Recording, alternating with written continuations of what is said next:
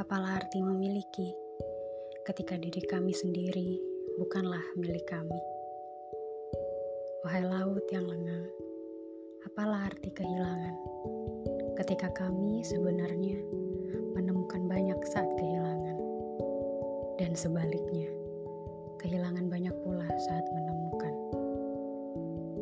Wahai laut yang sunyi, apalah arti cinta? Ketika kami menangis terluka atas perasaan yang seharusnya indah. Bagaimana mungkin kami tertuduh patah hati atas sesuatu yang seharusnya suci dan tidak menuntut apa pun? Wahai laut yang gelap, bukankah banyak kerinduan saat kami hendak melupakan? Dan tidak terbilang keinginan hingga rindu dan melupakan jaraknya setipis benang saja.